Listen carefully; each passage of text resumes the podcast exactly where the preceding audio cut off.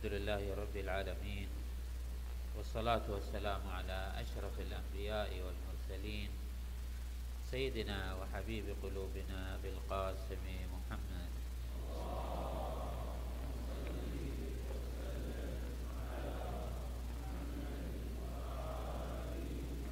وعلى أهل بيته الطيبين الطاهرين المعصومين الميامين اللهم صل على محمد سيد المرسلين وخاتم النبيين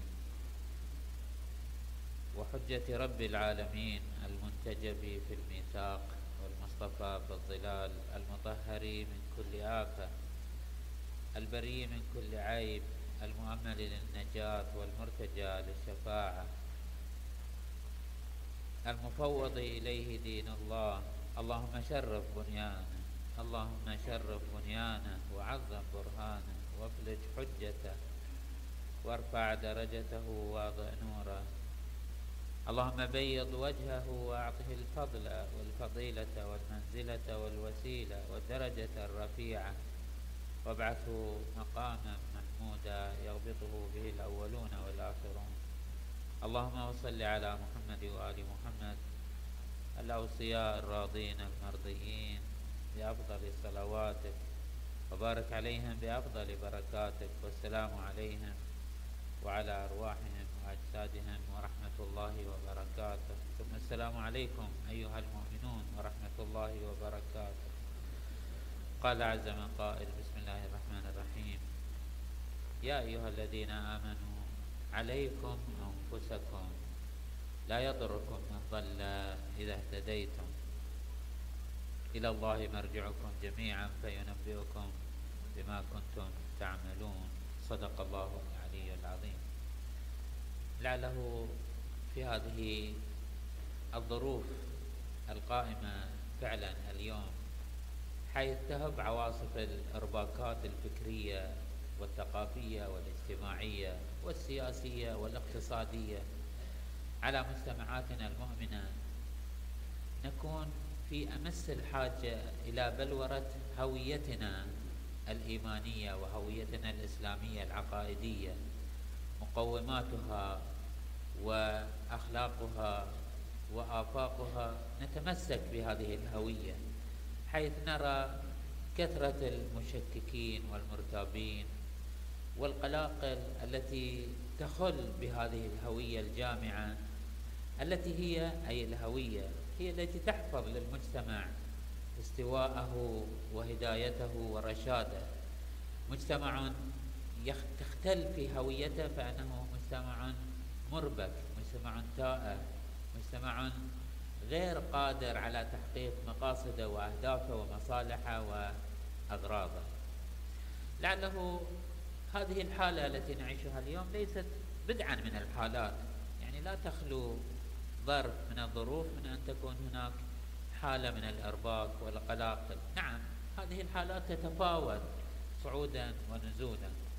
نقف عند واقعة يرويها لنا التاريخ في زمن الإمام الصادق عليه أفضل الصلاة والسلام. نريد أن آه، نطلع على هذه الواقعة نستهدي من خلالها لأهم مقومات هويتنا الدينية وهويتنا الفكرية وهويتنا الإسلامية. لكي نحافظ على هذه الهوية متمسكين واعين مدركين. يقول الراوي وهو آه، أحد أصحاب الإمام الصادق عليه أفضل الصلاة والسلام المفضل بن عمرو. يقول كنت ذات كنت ذات كنت ذات ذات يوم بعد العصر جالسا في الروضة بين القبر والمنبر عند مسجد الرسول صلى الله عليه وآله. وأنا مفكر فيما خص الله تعالى به سيدنا محمدا صلى الله عليه وآله من الشرف والفضائل وما منحه وأعطاه وشرفه. هكذا يعتقد المفضل وهكذا يتأمل فيما آتاه الله الرسول صلى الله عليه وآله من الفضائل والشرائع. وحباه مما يعرفه الجمهور من الأمة ومما جهلوه يعني ما نعرفه من فضائل رسول الله صلى الله عليه وآله شيء وما نجهله أشياء كثيرة. وما جهله من فضله وعظيم منزلته. ثم يقول نعم فإني لكذلك إذ أقبل ابن أبي العوجاء. ابن أبي العوجاء عبد الكريم ابن أبي العوجاء أحد الملاحدة المشككين في نبوة الرسول صلى الله عليه وآله بل يشك في وجود الله عز وجل كما سوف يظهر من هذه الواقعة. فقال ابن أبي العوجاء يخاطب بعض من معه والمفضل ابن عمرو يسمع. قال ابن أبي العوجاء لقد بلغ صاحب هذا القبر أولا يشير إلى الرسول صلى الله عليه وآله بأنه صاحب هذا القبر لقد بلغ العزة بكماله وحاز الشرف بجميع فضائله. هو منصف هذا الرجل في حد ما يقول هذا الإنسان وهو يشير إلى الرسول صلى الله عليه وآله أنه بلغ مرتبة عالية اجتماعية الآن هو ينكر نبوة الرسول صلى الله عليه وآله لكن لا ينكر وقائع قائمة متحققة وهو أن الرسول صلى الله عليه وآله ساد قومه وأنه قد بلغ العزة بكماله وحاز الشرف بجميع خصاله ونال الحظوة في كل أحواله. فقال له صاحبه هذا أيضا صاحبه أيضا ملحد وزنديق كما تصفه الروايات. قال صاحبه قال لابن أبي العوجاء إنه كان فيلسوفا ادعى المرتبة العظمى. يعني هذا إنسان ذكي فطن. الرسول صلى الله عليه وآله فيلسوف خدع الناس وقدم لهم أطروحة لا تبلغه عقولهم فاندهشوا فظنوا أنه جاء من السماء والحال أنه ليس كذلك. هكذا يفترضون. إنه كان فيلسوفا ادعى المرتبة العظمى والمنزلة الكبرى وأتى على ذلك بمعجزات باهرات بهرت العقول وظلت فيها الأحلام وغاصت. طبعا هذه مقدمة طويلة أضطر أقرأها لكي نكون في الأجواء وإلا الشاهد سوف يأتي بعد قليل.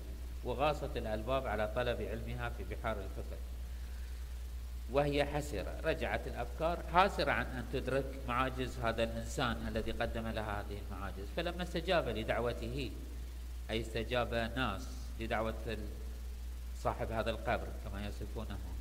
فلما استجاب لدعوته العقلاء والفصحاء والخطباء دخل الناس في دينه أفواجا. إذا خدع آه، علية القوم وخدع المثقفين من الناس استقطبهم فجرف عموم الناس تبعا له وشاهدوا له بما شهدوا من نبوة وغيب دخل الناس في دينه أفواجا فقرن اسمه باسمنا موسى. يعني لم يكتفي بأن أصبح سيد قومه. الرسول صلى الله عليه وآله حسب دعواهم ووصيهم وإنما طلب شيء أعلى. قال لهم تشهدون أن خالق هذا الكون هو الله جل وعلا. وقرن صلى الله عليه وآله اسمه باسمنا موسى وهو الله عز وجل. في الأذان وفي مناسك العبادات جعل اسمه مقترنا باسم الله عز وجل. فصار يهتف به على رؤوس الصوامع في جميع البلدان والمواضع التي انتهت إليه دعوته. وعلتها كلمته وظهرت فيها حجته برا وبحرا وسهلا وجبلا. آه، ثم يقول في كل يوم وليلة خمس مرات مرددا مرددا الأذان والإقامة ليتجدد في كل ساعة ذكره ولئلا يخمل أمره. فقال ابن أبي العوجاء لصاحبه دع ذكر محمد صلى الله عليه وآله لا بأس صلى على محمد وآله.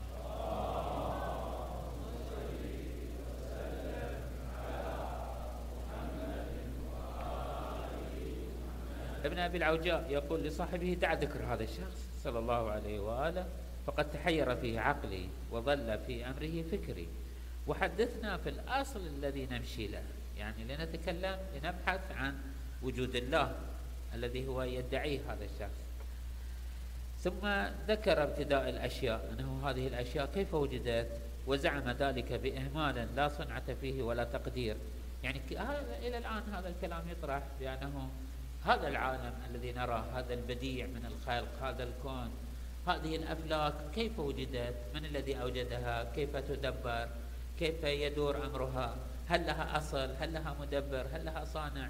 هل وهناك حكمة؟ وهناك أسرار وراء هذا الكون؟ هذا ما يثار إلى اليوم. من أنه لا صانع ولا مدبر بل الأشياء تتكون من ذاتها. بلا مدبر. وعلى هذا كانت الدنيا لم ولا تزال.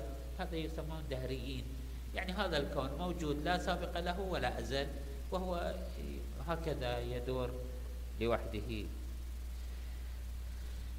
يقول المفضل إلى الآن الحوار كان بين هذين ملحدين يقول المفضل أنا لم أتحمل لم آه، تهدأ أعصابي. قال المفضل فلم أملك نفسي غضبت غضبا وحنقا فقلت يا عدو الله ألحدت في دين الله وأنكرت الباري عز وجل وأنكرت الباري جل قدسه الذي خلقك في أحسن تقويم وصورك في أتم صورة ونقلك في أحوالك حتى بلغ حيث انتهيت؟ فلو تفكرت في نفسك وصدقك لطف حسك لوجدت دلائل الربوبية وآثار الصنعة. فيك قائمة وشواهد وشواهده جل وتقدس في خلقك واضحة وبراهينه لك لائحة. يعني انهرته وسببته وشتمته ورفضت كلامه وأتيت بكلامه. إلى الآن الرواية تشير لنا كيف وقعت هذه الواقعة بين المفضل بن عمرو وبين هذا. هذا الملحد التفت إلى المفضل بن عمرو وقال له يا هذا يعني يا مفضل. إن كنت من أهل الكلام كلمنا. تريد أن تناقش تريد أن تحاور اطرح فكرتك اطرح رأيك بدون سباب بدون شتيمة بدون آه انفعالات. فإن ثبت لك حجة تبعناك وإن لم تكن منهم يعني لا لم تكن تجيد المحاورة والنقاش والاستدلال فلا كلام لنا لك. وإن كنت من أصحاب جعفر من الكلام. إن كنت من أصحاب جعفر فليست هو هذه طريقته وليست هو هذه ماهيته وليست هي هذه أسلوبه في معالجة الأمور. وإن كنت من أصحاب جعفر بن محمد الصادق عليه السلام فما هكذا يخاطبنا ولا بمثل دليلك يجادلنا. ولقد سمع من كلامنا أكثر مما سمع. إذا كان هذا المقدار الذي سمعته أوجب لك انفعالا وشد أعصاب فقد أسمعناه عليه أفضل الصلاة والسلام ما هو أشد وأنكى من كلام ولقد سمع من كلامنا أكثر مما سمعت فما أفحش خطابنا ولا تعدى في جوابنا وإنه الحليم هذا هو الملحد هذا لكنه يبدو إنسان يزن الكلام. يقول أن الإمام الصادق عليه السلام سمع من كلامنا ما هو أشد وما هو أنكى وما هو أبلغ في الإلحاد والإنكار والتوقف في مقام الرسول صلى الله عليه وآله وفي وحدانية الله ولكنه لم يفحش ولا تعدى في جوابنا وإنه الحليم الرزين العاقل الرصين لا يعتريه خرقان ولا طيشان ولا نزق يسمع كلامنا ويصغى ويصغي إلينا ويتعرف حجتنا. يعالج أمرنا بهدوء يذهب معنا حيث ما نذهب. يعني يأخذ في مساحة الاستماع والاسترسال معنا إلى نهاياته. يصغي إلينا ويتعرف حجتنا حتى إذا استفرغنا ما عندنا. يعني يجعلنا نفضي بكل ما عندنا من حجج وتصورات وآراء. حتى إذا استفرغنا ما عندنا وظننا أننا قطعناه. يعني أتينا بدليلنا وتوقعنا أنه بهذا الدليل الذي نأتي به قد أوصلناه إلى تمام الحجة. دحض حجتنا بكلام يسير جاوبنا بالمنطق والحجة والدليل الواضح اليسير من غير فحش من غير آه، شدة من غير توتر. دحض حجتنا بكلام يسير. وخطاب قصير يلزمنا الحجة ويقطع العذر ولا نستطيع لجوابه ردا. فإن كنت من أصحابه فخاطبنا بمثل خطابه. إذا هناك هوية للإمام الصادق. نحن في هذه الأيام نعيش ذكرى ولادة الإمام الصادق عليه أفضل ووفاة الإمام الصادق عليه أفضل الصلاة والسلام الذي نتسمى باسمه. نحن جعفرية. هذه الجعفرية ليست مجرد اسم هذه هوية.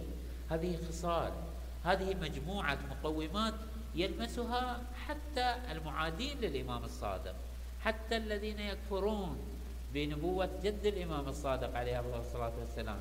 هؤلاء لا يؤمنون بأصل الله عز وجل بوجود الله عز وجل ولكنهم يتذوقون هذه الماهية هذه الهوية الجميلة التي يطرحها الإمام الصادق. وهذا ما يقدم لنا أول صفة من صفات هذه الهوية الجامعة للجعفرية. الجعفرية ليست مذهبا آه، ضيقا. وهذا يجب أن نذكره كمقدمة لتوصيف آه، مقومات هويتنا الجامعة.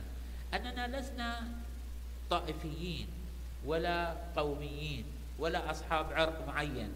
لا ننظر للعرب ولا للعجم ولا للترك. لسنا أهل هذا الوطن أو ذاك تجمعنا الفكرة والقيم والعقائد. نعم هناك جماعات هي التي تتمذهب وتتمحور وتتحزب فيبدو أننا حزبا مستقلا ونحن لسنا كذلك. نحن دعاة قيم. الجعفرية ليست مذهبا في عرض المذاهب. الجعفرية هي قيم هي مبادئ هي صفات هي أخلاق هي دعوة للإنسانية. هي دعوة لكل إنسان صادق طيب يريد الخير والصلاح. هكذا تعامل الإمام الصادق مع كل أحد. هؤلاء الملاحدة هؤلاء الزنادقة كما تصفهم الروايات. أنا لست في مقام السباب والشتيمة.